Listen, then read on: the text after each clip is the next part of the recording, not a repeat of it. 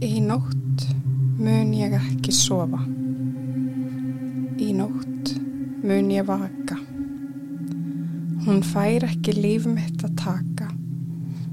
Herja á mig og þjaka. Og ef ég sopna þá nær hún mér. Konan sem ekki á heima hér. Hún skrýður og starir, kremur og kæfir. Í nótt ætla ég ekki að sofa.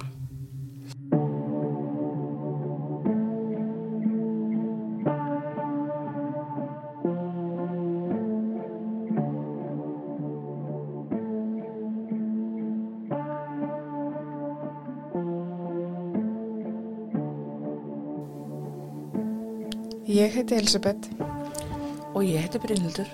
og þú ert að hlusta á þáttinn Náttrafna. Það eru bara komin hérna í þátt nummer þrjú. Já, þetta er svakalega eitthvað fljótt að líða. Mér finnst bara, við hafum verið að taka fyrsta þáttur upp í gær, en það var vist ekki í gær. Mm Og kannski verði núna að vera nær mæknum svo sé ekki allir bara akkur að heyra svo látt í þér en ekki breynhaldi. Ég veit ekki hvað ég er búin að fá mörg komment á það. En þú veist, við erum að læra og, og hérna, þetta er allt að koma, það er ekki? Jú, ég er bara spennt fyrir framhaldinu. Mm Hvernig voru páskarni hjá þér? Þeir voru mjög busy. Já, Ég var drein í fjallgöngu og mögulega langaði mig til að deyja en þú veist, það var fallit út sinni. og hvaða fjall var þetta? Herði, þetta var bara Arnarfell í Þingvallasveit og við sukkum ofan í drulluna í hverju spori. Ok, ég þekki þetta fjall ekki. Ég reyndar ekki gengi mörg fjall reyndar. Nei, en þú veist, ég mæla alveg með þetta og fallegt, Já. svona þegar ég var ekki að sökka ofan í, í margra metra drullu. Já, En já, já, kannski bara byrja þetta. Jú, Mér langar bara til að nefna að þessi þáttur gæti valdið óhug, sérstaklega hjá börnum. Og fyrir ykkur sem ekki hafa hlustað þátt með tvö um mörur, þá mælum við eindrið að þið gerir það áður en þið hlustið á þannig þátt. Því það er ákveðin atrið útskýrð fyrir ykkur sem að kannski ekki þekkið fyrir bara svefbrólömun, að þá hérna er mjög gott að- að hlusta þá tvö. En í þessum þætti ætlum við að fjalla um svefndauða mong flótafólksins. Það var snemma á nýjunda áratug síðustu aldar að flótafólk frá Suðaustur Asíu fór að deyja í svefni viðsverum bandaríkinn. Döðsföllin öllu miklum heilabrótum en það flest allt heilbriði karlmenna á færtugseldri sem dói. En byrjum á byrjuninni. Afleggingar þeirra stríða sem hefðu geisað í Vietnam, Laos og Kambodíu á árunum 1967 til 1975 voru hörmulegar. Fyrir utan hann alla fjöld, allan þann fjölda sem lést var stór hópur á flóta. Mongfólkið var einn hópur sem fekk yfir sig miklar pólitískar ofsóknir. 30-40.000 monghermenn letu lífið í átökunum á milli 2.000 og 3.000 manns týndust í stríðinu og talið er að um eitt fjörði allra mongkallmanna og drengja hafi látist í átökunum og 10% allra mong. vá. Þetta er bara ræðilegt sko. Það er bara rosalegar tölur. Og mongfólkið er etnískur hópur fólks í, suð, í austur og suðaustur Asju og búa á svæðum í Kína, Tælandi, Kambodíu, Laos og Vietnam. Þegar hafa sett eigi tungumál og menningu, lifið á þessum tíma mest í fjallaheruðum og stunduð sjálfstyrtabúskap. Og stór hluti mongfólks hefði skiptið í kristindóm á 20. stöld og bæði vegna trúarskoðuna þeirra voru þau ofsótt ásamt því að einhver hópur mong gerðist njóstnarar fyrir bandarísk yfirvöld í stríðinu. Þau voru eldu uppi, nefti útrymmingabúðir eða þrældóm, þorp þeirra voru úðu með eitri og efnavopnum og sprengdu með eldsprengjuefni eða napalm á ennsku. Vannilegt fólk var myrt. Flest þeirra voru saklist fólk, bændur að reyna að draga fram lífið. Með öðrum orðum sagt, þetta var þjóðamorð, þetta var glæpur gegn mannkinni, hörmung og hryllingur og orð fá því varla líst. Týjir þúsunda mong voru á flotta og stór hópur komst til Thailands og þaðan til Bandaríkjana og til fleiri landa eins og til Fraklands, Thailands, Ástralju, Kanada og Þýskalands þar sem þau fengu pólitist hæli. Árið er 1981 og kambodísk mongfjölskylda er að vennjast nýju lífi í bandaríkunum. Þegar fjölskyldusonurinn segir eitthvað vera að ásækja sér í draumum og sagðist halda að ef hann myndi sopna þá myndi hann líklega stegja. Fóreldrar hans höfðu miklar áhyggjur af honum og gaf fadir hans honum svepplif til þess að hann myndi sopna. Það hafði þó ekkert að segja. Hann vakti dögum saman þar til hann gata ekki lengur og sopnaði loks. Fóreldrar hans yrði fegin og heldu að nú væri vandanum lokið og var því mjög brugðið þegar þau heyrðu öskrin í sinni sínum. Þegar þau komu að honum í rúminu var það um seinan. Hann var dáinn. Hann hafði aldrei tekið svepplifin, heldur bara sapna pillunum saman og sett undir kottansinn. Hann var meira að segja með kaffikönnu sem hann hefði falið inn í fataskáp hjá sér. Svo mikil var hræðslan við svefnin og viljin til að halda sér vakandi. Því miður var þetta ekki einangra tilvik. Árið 1977 hafi svipaðar atbyrður átt sér stað. Heilbreyður ungur, mong karlmaður í flottamannabúðum ljast við svipaðar aðstæður. Hann hafi öskraði söfni og svo látist. Dónar, dánardómstjóri gat ekki gefið upp neina sérstakka dánarorsök. Samkvæmt krypningu var einungis hægt að fullirða að um hjartað hafi gefið sig. Svo verðist sem svo að þeir hafi dáið úr hræðslu. Hræðslu við marstruð. Árið 1981 urðu andlutun svo stöð, stöðugt fleiri. Í San Francisco voru Pangs hjónin í fasta svefni þegar eiginkonan vaknar með mikið brölt og læti í eiginmanninum. Hann lítur á hann og hann hristist allir til og það líkt og hann sé að berjast við ósýnilega veru.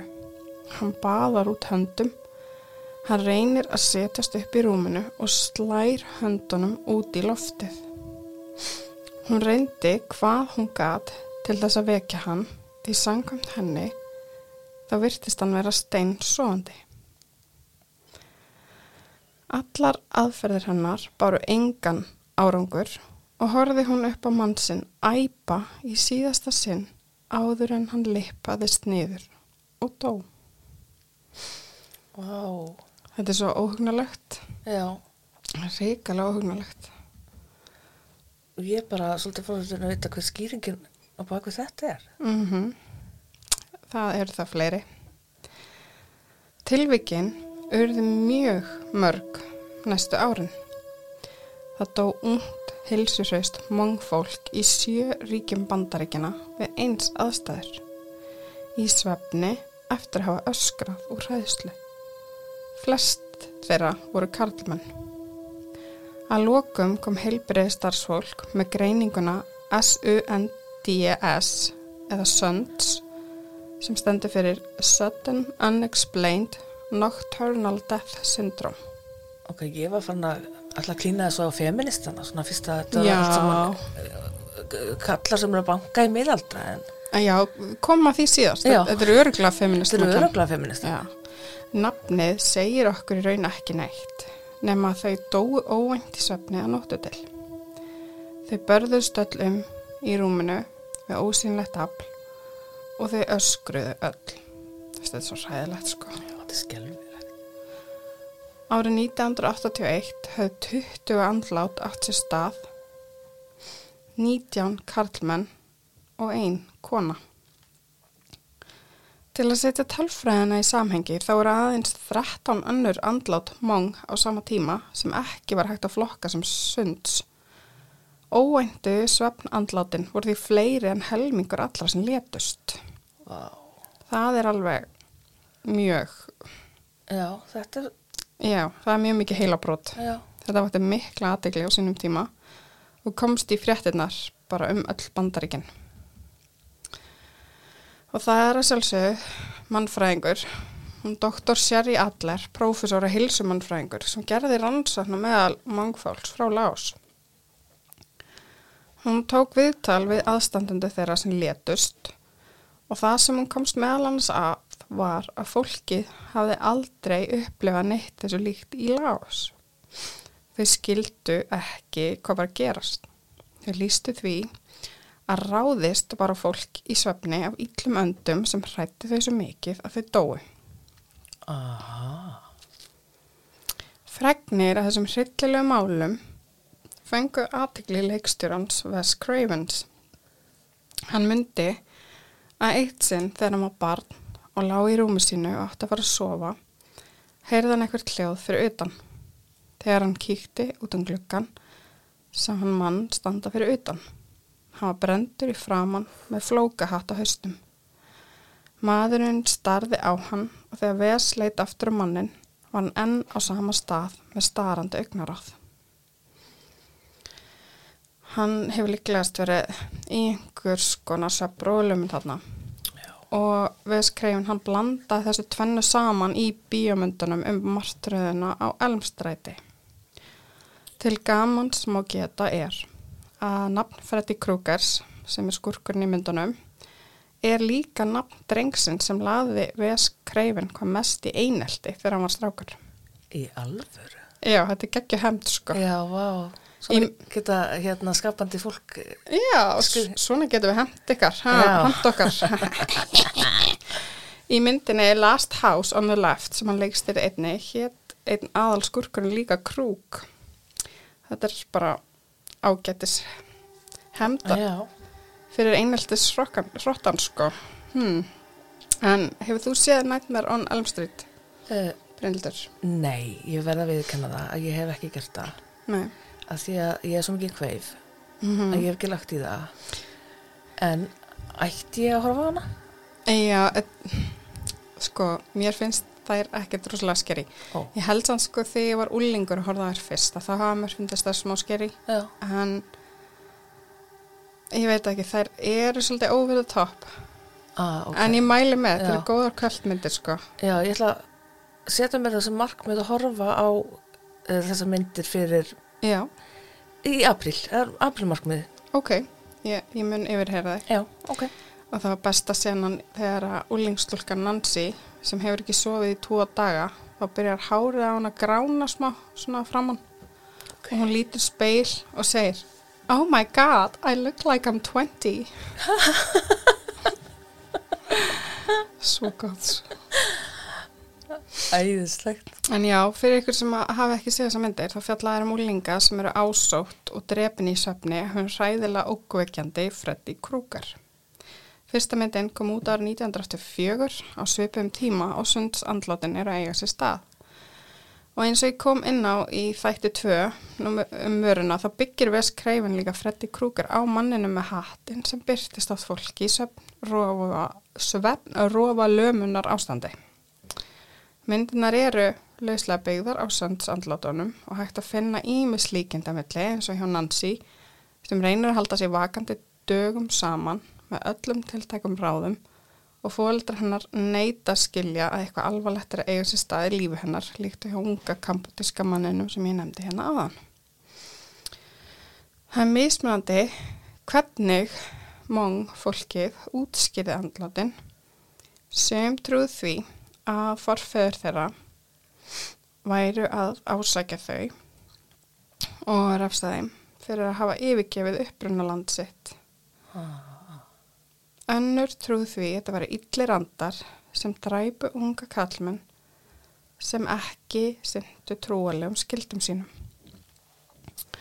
Og sangant sér í allir þá trúa mong því að það eru andar um alla veröld.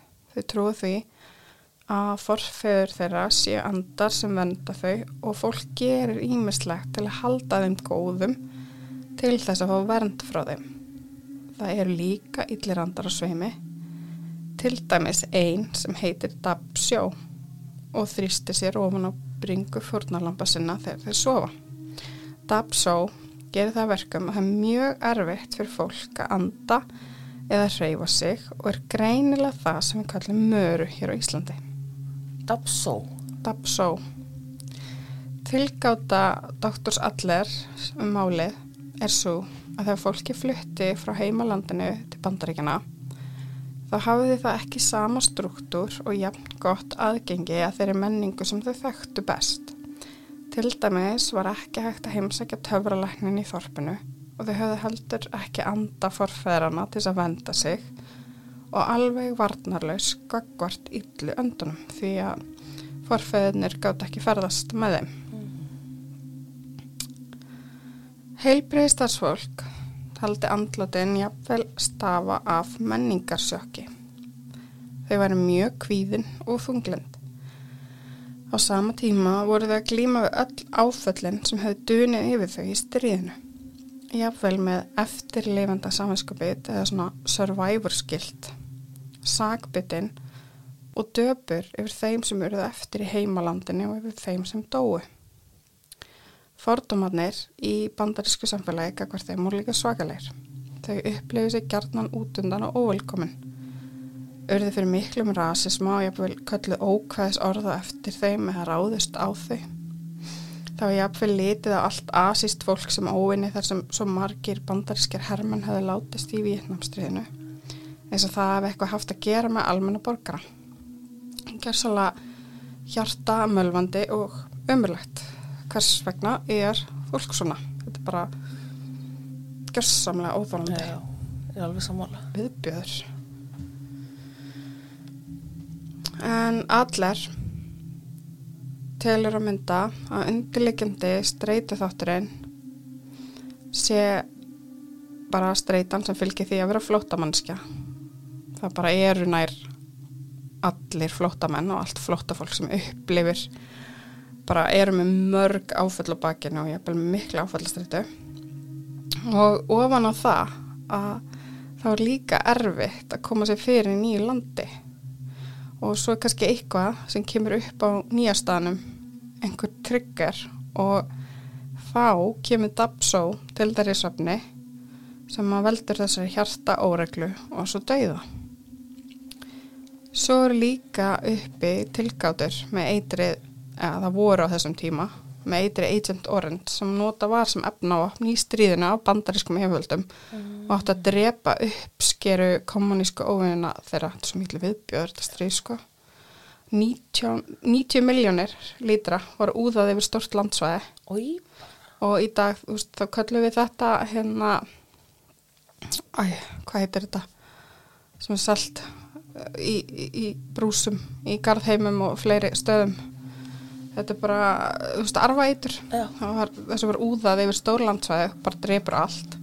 Að þetta ekki bara áhrif uppskirna heldur einnig fólk og dýr og allir krabba minni, húsugdómum fóstumissi, fæðingaköllum og þá er uppi tilgangur, tilgátur um að Agent Orange hefði getað valdið þessum sunds andlátum ég minni. En vísindfólk hefur samt bent á að svoleiðis virkar ekki Agent Orange. Það er taugagass og ekki hægt að sanna að sund sé aflegging af Agent Orange. Það væri ólíklegt að slíkar aflegginga myndu þá líka að stórum hluta aðeins henda karlmenn og bara að nóttunni, að nóttu til. Góð punktur. Þá komum við aftur að fyrirbærinu hlumin og enn og aftur það er ekki búin að hlusta þátt nummið tvö þá hvetjum við ykkur eindreið til þess að gera það. Það er hlumin útskýrt. Fyrir ykkur sem ekki hafa hlustað og hafi aldrei heyrt þetta orð áður þá er hlumin þegar heilinni vaknar líkaminn enn sofandi og lamaður í rem ástandi drömsöps þessu geta fyllt ræðilegar ofskinnanir sem við á Íslandi köllum að fá möru.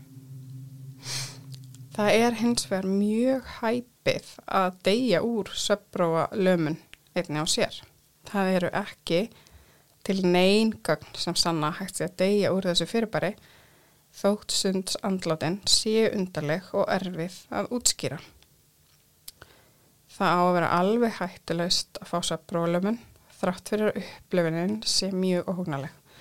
Bara því þarna úti sem er að hlusta og er kannski kvíðin þá bara get ég að lofa eitthvað því. Það er bara rosalega litla líkur á að þið getur degið dáið af svefnbrólumun. Það var svo ítalsku læknir að nafni Brugada sem taldi þetta stafa mikill í hjarta óreglu í söfni. Það er engin önnur enginni önnur en að hjarta fyrir slá ört og óreglulega. Það getur valdið yfirlið og dauð á mjög stuttum tíma og hrjáir einmitt sérstaklega asíska karlmann. Og nú er freka tala um Brugada helginni frekarinn sunds. Og mong flóttafólki sem upplifði þennan óhugnað og var á lífi til þess að segja frá var allt sannfært um að vera vakandi þegar þetta hendi þau. Þeim fannst þau ekki geta hreift sig og ekki geta andað þau eruð srætt og sáu eða fundu fyrir einhverju illu í sama rými. Alveg eins og gerist í söfnrófalumun. Árið 1987 voru andlatin orðin 100 fleiri en árið 1981. Móng karlmenn hrættust þetta mjög skiljanlega og brögðu gerðan á það ráð að klæða sér í kvennmannsfödd til að vittla um fyrir yllu öndunum fyrst að þeir herjuð helsta karlmenn en ekki konur. Bara mjög sniðut ráð, mm -hmm. bara mjög basic.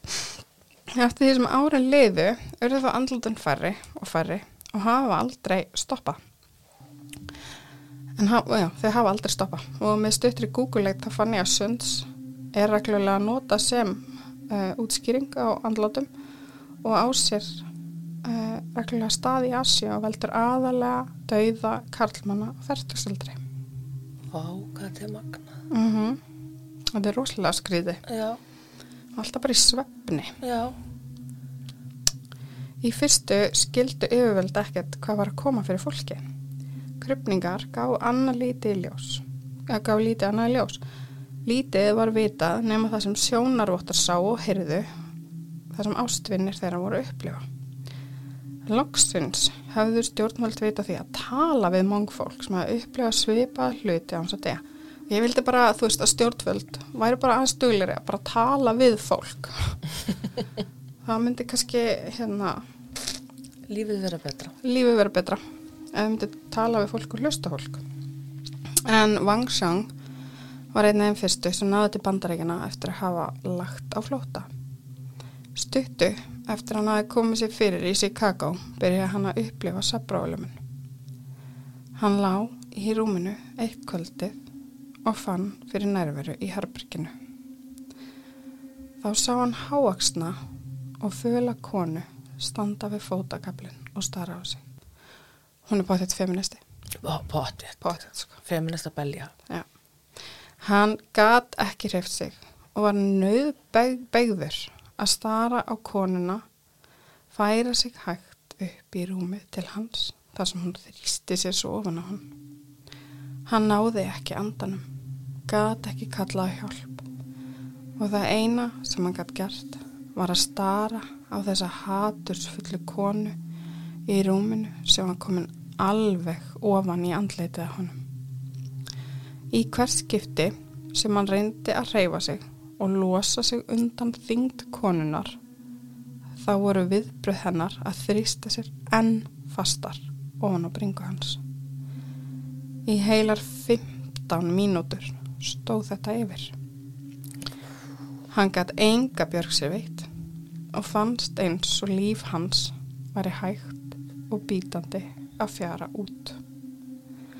Allt var það ekki móði og smám saman fannst honum myrkrið byrja að taka yfir allt.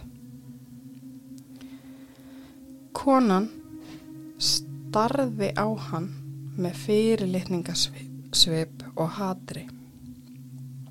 Korki reyði sér lengur nýja talaði. Þrýsti sér bara fast ofan hann. Þar sem honum fannst hann verið að taka sinn síðasta andardrátt, hvarf konan og á sama tíma þrýstingurinn á lung- lungun og bringuna. Hann datt fram úr rúminu og náði loksins andanum á ný. Hann leit í kringum sig í herberginu, en þar var enginn. Konan var á bak og burt. Það sem hann sat á gólfinu áttaði hann sig á því að hann hafi verið heimsóttur af henni hræðilegu Dabsó. Og Dabsó hljómar mjög mikið eins og gamla herfan eða night hag. Já. Þetta er bara asíst heiti yfir gömlu herfun, það sem við þekkjum sem gömlu herfuna. Já. Og það er svo magna hvað í þessum sem þjóðsögum að hérna vera alltaf að tala um sko útlitt kvennana svo mikið að þessi svo ljótar og ógistlegar og að hérna mér finnst það svo áhugavert og svo erum við með kvendjöfilinn sem að er rosalega tælandi og, og, og aðlagandi sko. það er alltaf svo mikil áhersla lögð á útlitið Nákvæmlega. mér finnst það svo sérstakt Já. en hún er hinn eiginlega næturherfa mongfólksins og þeirra svæða sem þau eru upprunnin frá. Dabsó er náttvera, hún dvelur ofan í jörðinni eða í helli að degi til, en á nóttinni fer hún á stjá. Hún læðist inn í vistarveru fólks, kæfir grunnlaus viðfeng sín og stelur sálum þeirra um leið og þau deyja. Panta ekki. Ekki held ég. Hægt var að öðlast vernd gegn Dabsó með því að færa forfæðrunum gjafir og fórnir. Að verðlaunum fengu ákomendur þeirra vernd gegn illum öndum, líkt og ég kom aðeins inn á hérna áðan. Hún byrtist í mörgum myndum hjá fólki. Og líkt og gerst hjá fólki í svefbráðlum en allstaðar í heiminum. Hún getur verið skuggi, útlínur af mannesku eða meira eins og alveru manneski að holda blóði. Stundum er hún í fötum og stundum er hún nakin. Einu samnefnarinn er að hún er alltaf í kvenlíki, mismunandi útliti og aldrei frá ungri stúlku yfir í gamla konu. Hún nærist að óta og kvíða fólk sem verður sterkari eftir því sem hræðslan er meiri.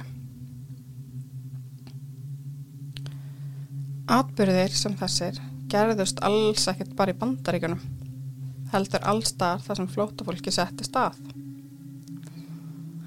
Það áttu sér mörg döðsföll stað. Í Tælandi og Singapúr dóðu til að mynda 200 heilbreyðir mannkarlmenn á óvandan hátt á sama tíma og andlutin áttu sér stað í bandaríkunum. Vittni, ástvinnir og þau sem upplifist líka margdraðir og gáttu sagt frá því sem þau voru að upplifa. Voru frásagnir af karlmennum sem reyndi að halda sig vakandi alltaf viku með því að drekka mikið kaffi og nota örfandi lif. Hræðslan var svo mikil. Hvort sem að andlátin báru að á náttúrulegum orsökum eða yfirnáttúrulegum er ekki hægt að fullurðum. Kanski er þetta begge blans, kannski ekki. Það eina sem ég get sagt er að þetta er mjög skrítið og dölafyllt. Fólki dó bóstaflega úr hræðslu. En og aftur þá veit ég ekki hvort mér finnist óhugnalera að utan að komandi öll geti valdið þessu eða okkar eigin heili. Eru illir andar til? Eru þeir okkar ímyndun sem verður svo sterk að hún getur einfallega dreipið okkur? Mjög áhugavert. Mér finnst mjög ógnulegt að ef að heilin í mér Já. getur dreipið mig úr hræðslu. Já, nákvæmlega. Það er mjög, mjög creepy og maður eiginlega getur ekki treyst. Það er alveg svolítið, svolítið klikk og pæling, Já, sko. treyst sjálfur sér það er. Já,